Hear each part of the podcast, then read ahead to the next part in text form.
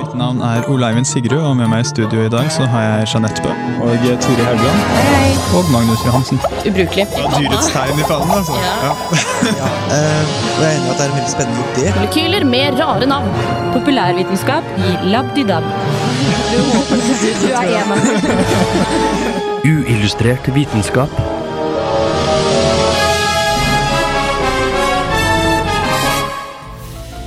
Er vi alene i universet? Dette eldgamle spørsmålet har inspirert science fiction-forfattere så vel som vitenskapsfolk. For til tross for at vi ennå ikke har funnet noe liv der ute, jobber mange forskere med nettopp dette. På den andre siden har en de som påstår at romvesener har vært her i tusenvis av år. De besøker oss jevnlig og er kjent for å bortføre personer, for deretter å utføre sin egen forskning på oss.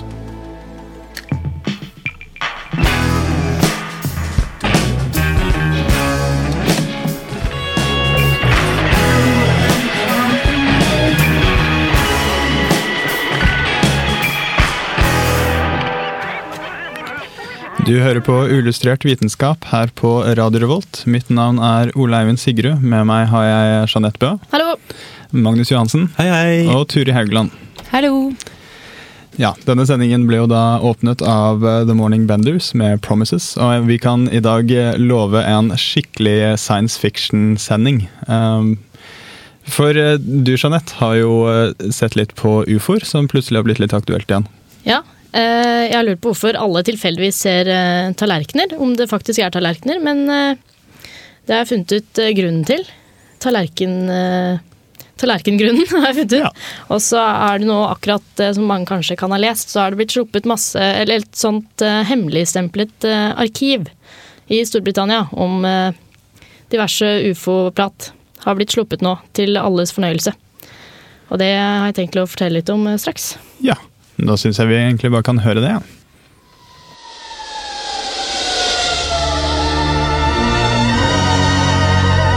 Det moderne ufo-fenomenet oppsto i 1947, da en amerikansk pilot ved navn Kenneth Arnold hevdet å ha sett ni halvmåneformede farkoster som han sa beveget seg som tallerkener som skummet over vannflaten.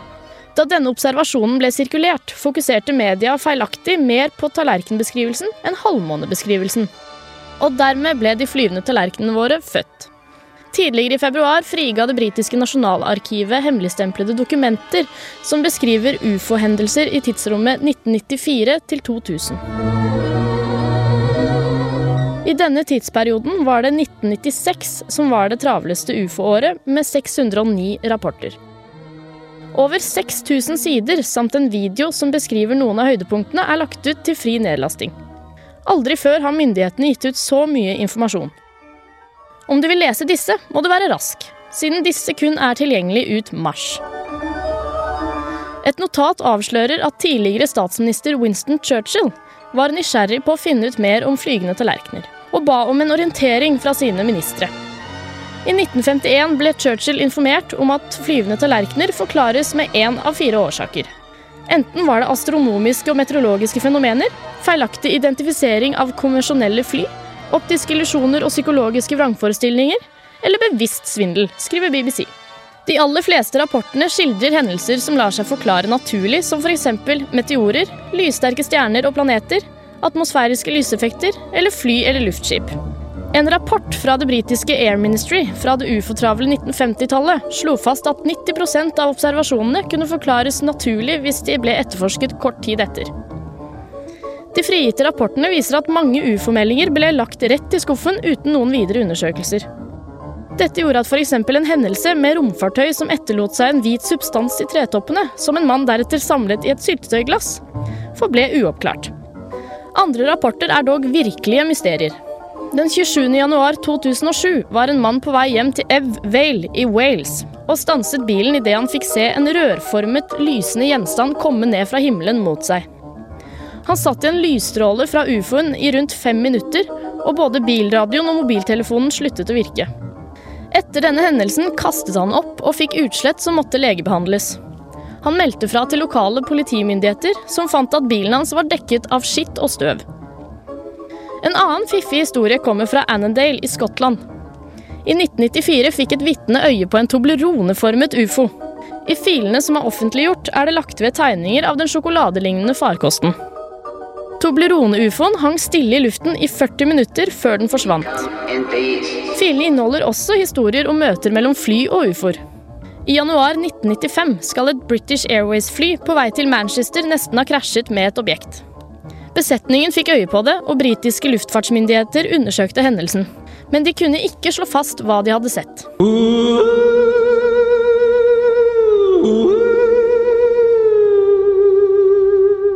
Det er en rekke mennesker som har bidratt til å spre ufo-tankegods i offentligheten. Den mest berømte nordmannen er selvfølgelig Gry Jannicke Jarlum, som i boken Du er jeg fortalte om hvordan hun var blitt bortført av en flyvende farkost. En interessant utvikling i denne saken er at det senere har kommet til en trønder som kan fortelle hvordan han ble paret med Jarlum om bord på den nevnte farkosten.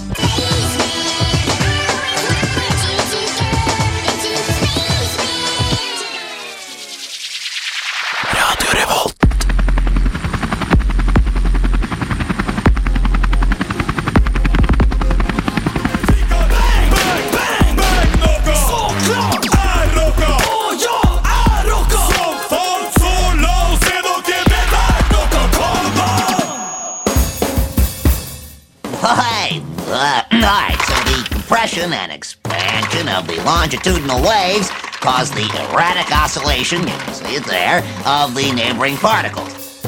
Uillustrert vitenskap. Litt nordnorsk eh, hiphop for deg der, her i Uillustrert vitenskap. Det var Jodski med Skru det opp.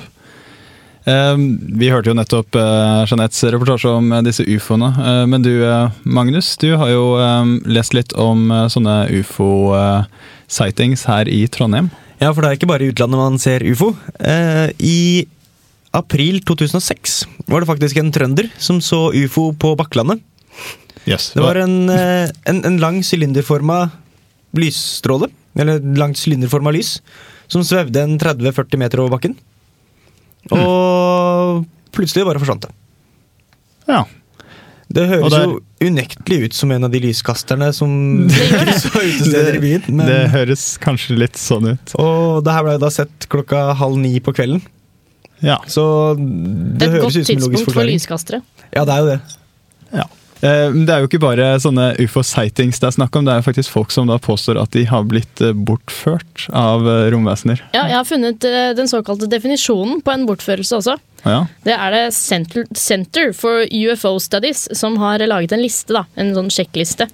Det er en, det er en doktor i Illinois som har startet det her, den her eh, organisasjonen. Eh, Og ja, definisjonen er da eh, En person må bli tatt én mot sin vilje. To vekk fra jorden. Og tre av vesener som ikke er mennesker. Og så er det også det er mer kriterier. Vesenet må ta personen til kolon. En, et lukket sted. To, et sted som ikke ser jordlig ut. Og tre, noe som ser ut til å være et romskip.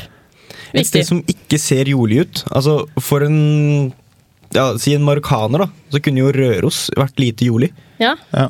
Eh, Så hvis du er en marokon marokkaner i Røros, så kan det hende du får godkjent eh, bortførelses... Ja, mulig, mulig. Ja. Og så er det, det er mer, vet du. Det er mer. Også på dette stedet som du blir bortført til, da, så må personen enten en, bli studert, to, bli snakket til, tre, begge. Og der lurer jeg på hva, hva med stakkarene som da kanskje ble bortført, og så bare etterlatt i et rom i romskipet, og bare glemt. Han ble ikke studert i det hele tatt. Ikke godkjent. Han, han var ikke godkjent. Han ble ikke bortført i det hele tatt.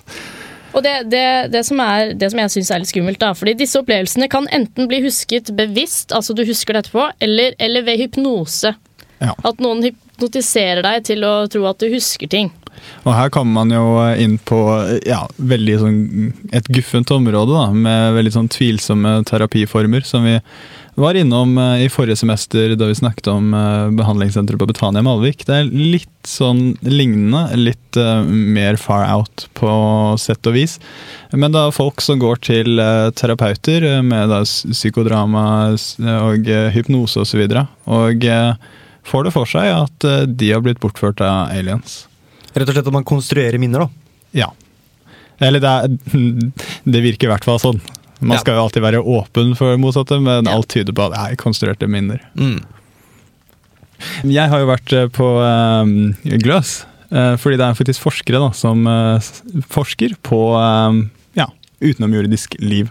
Dette kalles da exobiologi. Kan man, kan man gå en sånn forelesning nå? Nei, dessverre så er det ikke et undervisningsfag ved NTNU eh, for tiden. Han har det som hobby, men det var et undervisningsfag. Men eh, jeg tenker vi kan eh, bare høre det intervjuet nå, jeg.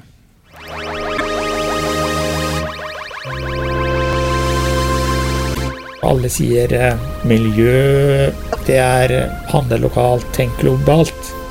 Men da sier jeg det er altfor snevert å tenke globalt, så vi må ha med omgivelsene òg. Kjetil Østgaard er professor i miljøbioteknologi ved NTNU. Eksobiologi har han nå som en hobby, men tidligere har han undervist i faget i en tiårsperiode. Så hva er egentlig exobiologi? Det er jo eh, veldig enkelt sagt læren om livet av utenomjordisk opprinnelse. Altså i motsetning til astrobiologi, som er læren om all slags liv i verdensrommet. F.eks. oss, f.eks. astromedisin. Hvis du kutter ut det, og ser bare på de som ikke er herfra, så blir det exobiologi. Aliens, med andre ord. Men hvordan kan man forske på en biologi en ikke har tilgang til? Naturvitenskapelig forskning står jo på to føtter. Det ene er eh, hypotesedannelsen, og det andre er hypotesetestingen. Og eksobiologi det står da bare, foreløpig bare på én fot, da, nemlig hypotesedannelsen. Til du har gjort en observasjon, da blir det plutselig et fullverdig fagområde. Så sånn sett kan du si at det halter litt, da. Vi har ingen gode observasjoner enda, men det er veldig mye kule forsøk på gang, altså. Ja, for til tross for at vi ennå ikke har funnet noe liv der ute, er exobiologi et fagfelt som opptar mange forskere og involverer store prosjekter. Vi kan jo se på f.eks. Ja, på NASA. Kanskje også ESA har jo svære avdelinger for akkurat det her. Det er jo veldig hot i forhold til eh, de nærmeste planetene og himmellegemene, selvfølgelig. Veldig mye av forskninga rundt Mars er jo knytta rundt hypoteser om at om det ikke er, så at det i hvert fall har vært liv på Mars. Og vi husker på, vi har jo funnet liv i universet. Vi har funnet liv på månen, f.eks. Det var da noen av de siste astronautene på månen som fant et kamerahus som noen av de første hadde slengt fra seg. Inni der var det bakterier, som dessverre har vist seg å stamme fra jorda. Men de hadde klart et par år på månen i ganske tøffe betingelser. Hvordan vet man hvor man skal lete etter liv eh, i verdensrommet? Du kan dele i to. sant? Det ene er jo nærområdet, hvor vi direkte eller indirekte kan dra og lete. Vårt eget solsystem i praksis. Men så er alternativet at ikke vi får kontakt med dem, så kanskje de kontakter oss. Og da har du lyttebransjen, CT og sånn. Men det kan godt ta et eksempel til, lokalt. Istedenfor å gjøre som Fridtjof Nansen og søke etter livet i dypet, så kan du søke oppover i stratosfæren utenfor det området hvor jordiske organismer kan spre seg, altså sånn 40-60 km ut. Da trenger du bare en ballong som er litt spesiell og stor og solid, så går det. Det er gjort. Ut, ut i ytterste stratosfæren hvor ikke det burde finnes liv. Hva finner man der? De fant bakterier. Som dessverre ligna også litt for mye på de vi har nede på jorda, da. Enda de burde ikke ha vært der. Eksobiologer leter ikke kun etter utenomjordisk liv. De studerer også organismer her på jorden, såkalte ekstremofiler. Det er jo, som navnet sier, ekstremelskere. Altså eh, mikroorganismer i praksis, da, som eh, liker seg under ekstreme betingelser. Det er studert veldig mye. Kan du si livets eh, toleransegrenser. Der har man jo oppdaget veldig mye rart nede på jorda.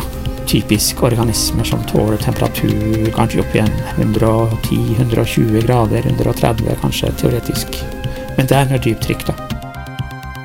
Det finnes også f.eks. mikrober som eksploderer ved normalt eh, trykk. De må ha 1000 atmosfærer, i hvert fall over 500 atmosfærer for å helt annet eksistere. Og det finnes jo de som skal ha pH1 eller 0. Det er surt liv. Disse ekstremofile organismene er interessante siden forholdene der ute i verdensrommet ikke akkurat er vennlige. Å få bekreftet at organismer kan overleve i slike miljøer, er dermed svært oppløftende. Det lukker heller ingen dører for den såkalte panspermia-hypotesen. At liv kan ha oppstått ett sted i universet, og deretter blitt fraktet til andre planeter. Og så langt vi vet, så er det mulig, ja. Og det handler jo om hva liv kan tåle av uttørking, ekstrem temperatur og ekstrem stråling. Det er jo stråling som er begrensende faktor. Det er jo gjort eh, fullskalaforsøk med kunstige meteoritter av keramisk materiale som er skutt inn i jordatmosfæren og nesten brent opp. Men inni var det bakterier som klarte seg helt fint. Vi vet jo også noe da om hva de kan klare seg å faktisk leve aktivt, ikke bare være hvilesporer. Og da er det jo veldig viktig, det her er ekstremgrensene. Det vi ikke vet noe om, det er jo betingelsene for at liv kan oppstå. Men altså ingen grunn til at det nødvendigvis har oppstått her på jorda.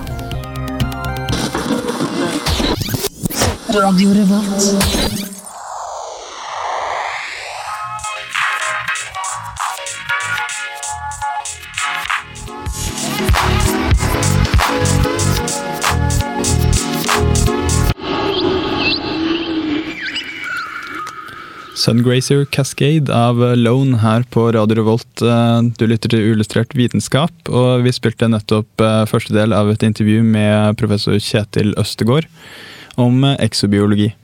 Og jeg syns det er eh, ufattelig spennende det at eh, man kan se på eh, organismer her på jorden da, for å eh, lære noe om hvordan liv ute i universet kanskje kan være. Ja, det var ekstremofiler, var det ikke det? Ja. Og det er jo da disse Ja, det er jo mikroorganismer da, som tåler uh, veldig sære miljøer. Ja, vanskelige miljøer. Uh, og det er jo en uh, favoritt da, hos meg som heter uh, Deinococcus uh, radiodurans.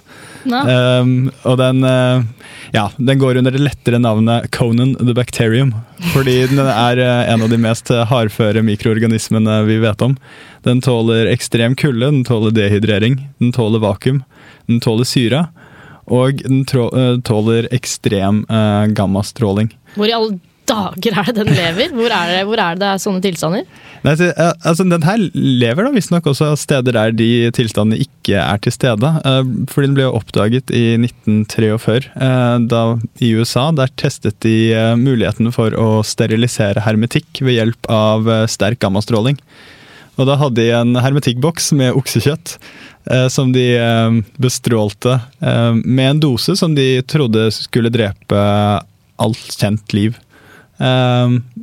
Men det kjøttet råtnet likevel, og så klarte de å isolere denne lille jævelen her, som tålte den gamle dosen. Men de, de små organismene, kan man finne dem overalt? Eller? Ja, eller jeg vet ikke, det kan jo hende de er veldig mange steder, da. Men mm. det man gjerne, der man gjerne oppdager dem, er jo de stedene der det er såpass uh, snodige miljøer. Så rundt uh, vulkaner og varmekilder, og uh, steder der det er mye stråling, steder der det er veldig, veldig kaldt, f.eks. under isen på Antarktis osv. Så, videre.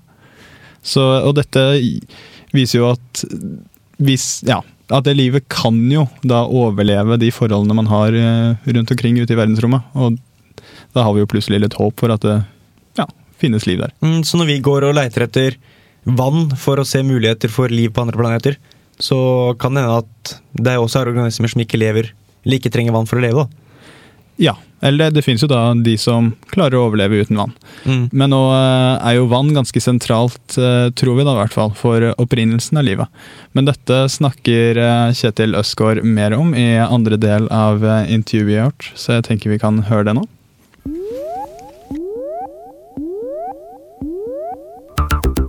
Romvesener. Da tenker jeg på små grå folk, oboister med ruglete kinn, facehuggers og Leonard Nimoy. Men hvordan ser forskere for seg romvesener? Realistisk er jo å konsentrere seg om mikrober, enkle celler. Du kan jo se Her på jorda så er jo ideen om en flercella organisme er en ganske ny oppfinnelse, egentlig. Altså 670 millioner år bare. Innenfor et tidsspenn på 3,7 milliarder. 4 milliarder, kanskje. Men det er klart, bakterier vil vel ikke ringe oss. Så disse CT-folka som lytter etter radiosignaler, de, de leter jo mer etter intelligent liv, da. Tidligere snakket man om at utenomjordisk liv kanskje ikke var karbonbasert, slik det er her på denne planeten. Yes, is the alien carbon based or silicon based? Uh, the second one, xylophone. Men så kom det et eget fagområde som kalles astrokjemi. Som har revolusjonert et synet veldig. Altså. For det viser seg for det første at eh, karbon er veldig utbredt. Vann er veldig utbredt. Og det er en fantastisk kombinasjon. Det blir veldig vanskelig å finne en avkrok hvor det ikke er karbon og vann. Og, og hvor det da skulle være noen gode sånn ammoniakktype løsningsmidler og silikat. Det, det blir forsøkt, altså. Den mest aktive søken etter utenomjordisk liv i dag foregår på Mars, og det finnes gode grunner til at nettopp denne planeten er en mulig kandidat. Mars er jo nå ganske kald og trist, enda de har jo ganske mye vær. Men eh, gjennomstemperaturen er jo litt lav, da. Men det er jo mange hypoteser om at det har hatt en eh, våtere og villere fortid. Veldig viktig at det har, finnes jo døde vulkaner der. Og vi tror jo nå at eh, platetektonikk er veldig viktig for å drive den nødvendige resirkuleringa av grunnstoffene. For å holde kan vi si, livsprosesser virkelig gående. Det fins jo vann der, eller is, da. Det fins jo spor av at det kan ha vært flytende vann på overflata. Så det er jo veldig spennende. Og som påpekt av mange, Mars var lengre ut og mye mindre enn jorda. Ble fortere nedkjølt etter solsystemets skapelse. Og fikk kanskje en forsprang på en halv milliard år i hvert fall, i forhold til jorda når det gjelder muligheter for liv. Men det er spekulasjon. Om hvordan liv først oppsto, finnes det flere hypoteser. Og når slike komplekse hypoteser skal forklares, tyr exobiologer til samme hjelpemiddel som mang en fysiker har benyttet seg av tidligere matanalogier. En annen veldig viktig oppdagelse det er en tysker som heter Wechtershauser, som påpekte at den der ideen om den der organiske suppa som livets opprinnelse eh, er bare tull. For da får du et virkelig sånn entropiproblem. Som en sa How can life evolve from such a mess? En miks. For vi vet jo at du trenger jo veldig kraftig begrensning for, eksempel, for å bygge protein. Vi skal bare ha 20 aminosyrer. Hvordan få et system med så få? Hvis det er sånn random kjemi. Alle skal være sånn i alfa-L-konfigurasjon. Veldig vanskelig i en suppe. Så i stedet for har han tyskeren lansert det som kalles da pizza-teorien. Som sier at liv kan oppstå på en overflate. Altså en absorberte molekyler som sklir rundt. Du får sånn todimensjonal kjemi. Entropileddet er vekk. Og ting kan da struktureres på en overflate. Eksobiologi er som sagt ikke lenger et undervisningsfag ved NTNU. Men om du synes dette virker spennende, er det fortsatt muligheter. Det er klart, Dukker det opp noen interesserte, så skal vi nok alltids kunne klare å gjenopplive det som fag. altså. Problemet for meg her på bioteknologi var at våre studenter er litt for nøkterne, så det var dårlig intern rekruttering.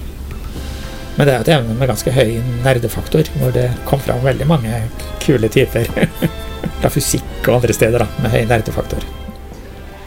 Så hvis du finner noen flere, så kan vi jo ja, starte om igjen. Radio Revolt. Uillustrert vitenskap presenterer Forskningsnytt.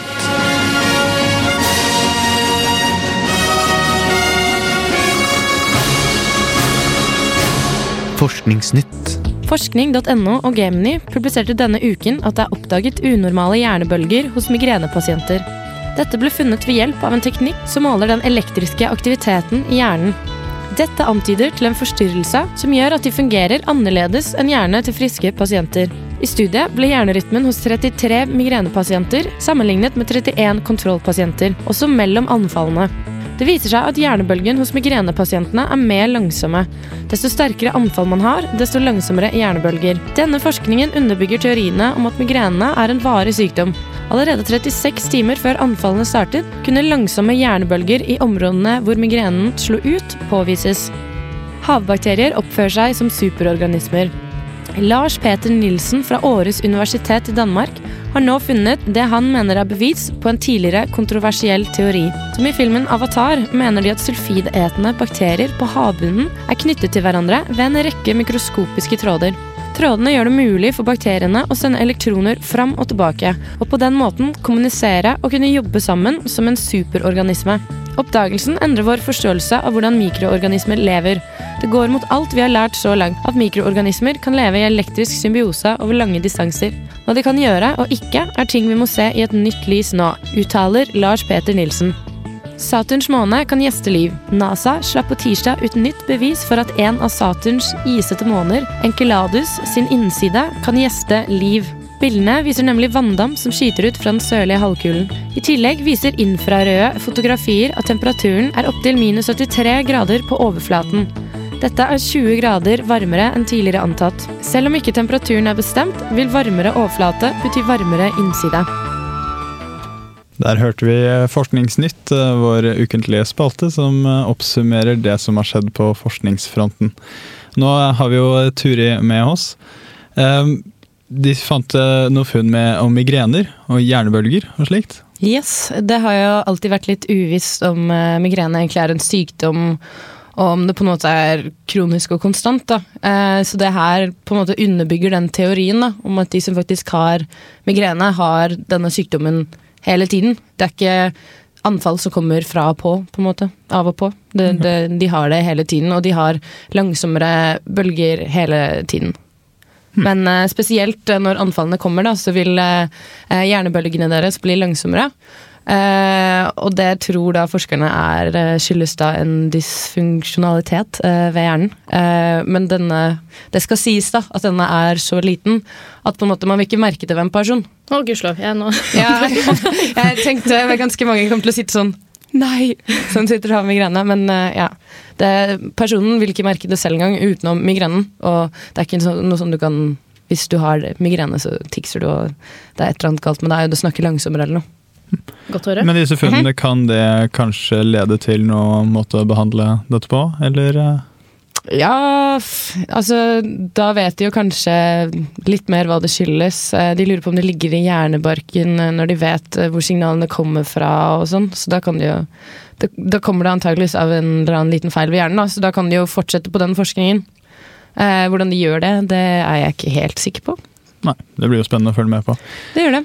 Men uh, du snakket jo litt om uh, sånne avatarbakterier. Det syns jeg hørtes artig ut. Ja, det er morsomt, fordi det, det folket i Avatar, uh, de har jo sånne der, overnaturlige evner der de kan kommunisere og knytte seg til alle, alle levende vesener i den verden de er fra, til og med planter. Eh, og det har vært en eh, kontroversiell uh, teori om det her uh, på jorda også. At det er sånne små bakterier som ligger på havbunnen, som kan kommunisere med hverandre. Mikroorganismer. Og det er jo ganske morsomt, da. Så da lever jo de da i symbiose og driver og sender signaler til hverandre og kommuniserer på en eller annen merkelig måte. Fungerer i ett. Det syns jeg er veldig kult. Artig. Men den derre Enceladus eh, hva, hva er det for noe? Hva var det? Det er en av Saturns måner. Og der eh, har de jo analysert eh, data fra dette Cassini-Huygens-oppdraget, som er den eh, Mm. proben som har tatt disse fantastiske Saturn-bildene, blant annet, som man kan google. Eh, og der eh, har de da funnet eh, ja, at det var, de fant vann, og så fant de negative vannioner og eh, hydrokarboner.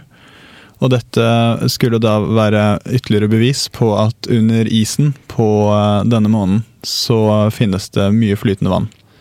Og eh, når man da har eh, vann, og man har karbon, og man har eh, energikilder, eh, og det har de jo under der, så sier disse forskerne at da har man jo mange av de viktigste ingrediensene for liv. Så da er jeg i hvert fall veldig spent på hva man finner der fremover.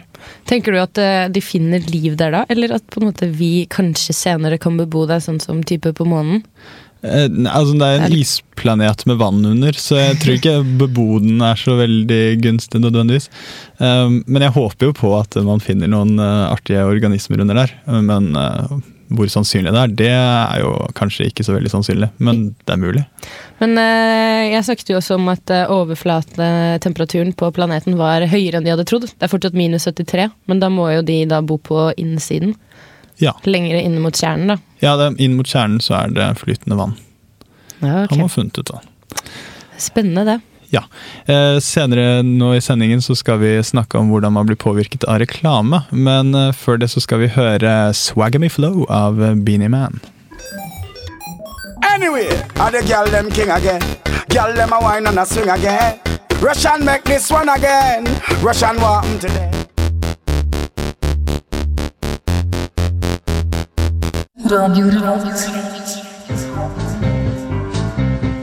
I dagens samfunn er vi omgitt av reklame stort sett uansett hvor vi går. På bussen henger det reklameplakater. Det samme gjør det i nesten alle butikkvinduer. Og rundt om i Trondheim står det til og med egne reklametårn der alle kan henge opp sine reklameplakater. I tillegg har man all reklamen man ser på TV, i aviser eller på internett. Men selv om reklamen er overalt i dagens samfunn, er det få av oss som vil innrømme at vi lar oss påvirke av den reklamen vi omgir oss med. De fleste vil nok se på seg selv som såpass reflekterte rundt sine valg at man ikke vil gi reklame æren for hvorfor vi velger ett produkt framfor et annet. Likevel viser det seg at den reklamen vi sier ikke påvirker oss, faktisk har ganske stor innflytelse på de valgene vi tar. Men hvordan er det egentlig vi lar oss påvirke av reklame? Det viktigste målet for reklame er ikke nødvendigvis å få oss til å få en umiddelbar lyst på det produktet det reklameres for, men heller sørge for at vi får kjennskap til produktet det reklameres for. Vi mennesker er vanedyr, og vi vil i de aller fleste tilfeller velge det vi føler oss trygge på. Når vi da står overfor muligheten til å velge et produkt vi husker reklamen til, og et produkt vi ikke har hørt om før, vil vi med stor sannsynlighet velge det produktet vi har kjennskap til fra før. Altså det produktet vi har sett reklame for. Dette skyldes at når vi har et forhold til produktet, enten vi har kjøpt det før eller sett reklame for det, så har vi en følelse av at vi vet hva vi får når vi kjøper det. Og dette har stor påvirkning på om vi kjøper produktet eller ikke. Derfor er det viktig for selskapene som prøver å selge oss noe, at vi husker reklamen i ettertid. Det viktigste blir da ofte ikke å lage en informativ reklame, men heller noe morsomt eller spennende. Når man har hatt en positiv opplevelse av reklamen, enten den har fått oss til å le eller føle noe spesielt, så vil vi også assosiere produktet det er blitt reklamert for, med noe positivt. Og sjansen for at vi kjøper det, vil øke. I tillegg spiller mye reklame på underbevisstheten vår. Man behøver ikke nødvendigvis å like en reklame for at den skal påvirke deg til å kjøpe et produkt. Ofte holder det at du ser reklamen mange ganger til at du naturlig kobler et produkt med det merket det reklameres for. I tillegg legger vi merke til mye mer reklame enn vi faktisk tror. Selv en reklameplakat vi bare går forbi på veien hjem, vil kunne ha påvirkning på oss fordi vi sannsynligvis vil se den hver dag. Så hvis du noen gang har tatt deg selv i å nynne på en melodi fra en reklamefilm, eller bare prata med noen andre om noe du har sett på reklame, så har du mest sannsynlig latt deg påvirke. Og sannsynligheten for at du kjøper det produktet du har sett i reklamen, vil øke.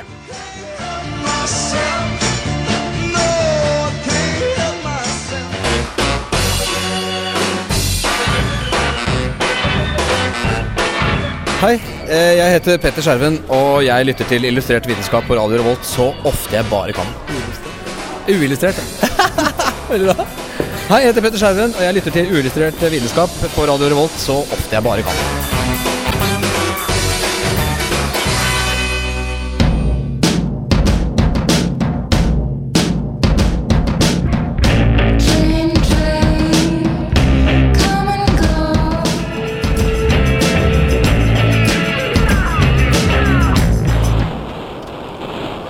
Det var eh, Trick Pony av eh, Charlotte eh, Gainsbourg. Vi hørte nettopp at man blir påvirket av reklame, faktisk. Hvem skulle trodd det? Merkelig. Men du sier at reklame det, det gjelder ikke kun reklame for produkter som Coca-Cola og slikt, selv om de er kjempeflinke til det. Å nei, nei, det er all eksponering av merkenavn, hva som helst. Altså, et eksempel kan for, for, eksempel være de, eh, Redd, de Barna-folka som står på stand i Trondheim sentrum. Eh, det er også reklame for Redd Barna, selv om de ikke får, eh, får tjent inn noen penger. Jeg trodde de Så- bare var der for å gi dårlig samvittighet, ja, når du løper en annen retning når de kommer. Det virker slik. Det kan det jo også være. Eh, men, men, men bare det at du ser dem, da, får deg til å tenke på Redd Barna hver gang du går forbi dem. Og det er en slags, en slags produktplassering for Redd Barna. Det at de, at de faktisk skaper oppmerksomhet rundt seg selv. Og det er jo faktisk sånn, altså, sånn irriterende TV-reklamer. Altså, det er en grunn til at de lager det. Det funker. Ja, ja, så det så kan lenge- jo kanskje være litt samme greia. Sånn irriterende pushere av, uh, av eh, ja, fadderbarn og slikt. Eh, kanskje de også Ja, så lenge, så, lenge, så lenge det ikke tar det så langt at man bestemmer seg for at det skal jeg i hvert fall ikke kjøpe. Ja. Men så lenge du bare har en sånn lett irriterende reklamefilm, men som setter seg veldig, da, så vil det faktisk være effektivt. Ja. Men nå, på Radio Revolt FM 100, så skal vi høre Sirens and Us, eh, Raise the Violent Flag.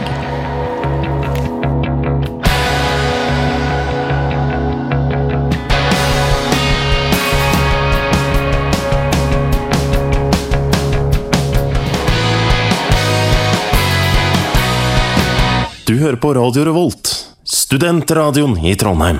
Nå går dagens sending av Uillustrert vitenskap eh, mot slutten. Jeg har vært eh, Ole Eivind Sigrud, med meg har jeg hatt eh, du, du har vært? Du har vært. Jeg har vært. Ja, jeg er fortsatt, da. Eh, men vi kan jo Jeg syns det ville vært litt passende å drive litt, litt reklame. eh, for vi har jo en podkast. Det har vi. Og den finner du på iTunes. Podcast, podcast. Det ligger podkaster der ute Og, på iTunes og dør hvis du ikke laster inn det. Ja. Rett og slett. Redd podkasten. Last den ned. Og du kan også da finne mer info, bl.a. hvis du ikke bruker iTunes. eh, Så kan du finne det på radiorevolt.no slash podkast. Dette var koselig. Ja, det, det her var virkelig trivelig musikk. Vi Eh, kommer til å savne dere. Ja. Men eh, vi kan jo eh, begynne å takke for oss. Eh, mitt navn har vært Ole Eivind Sigrid.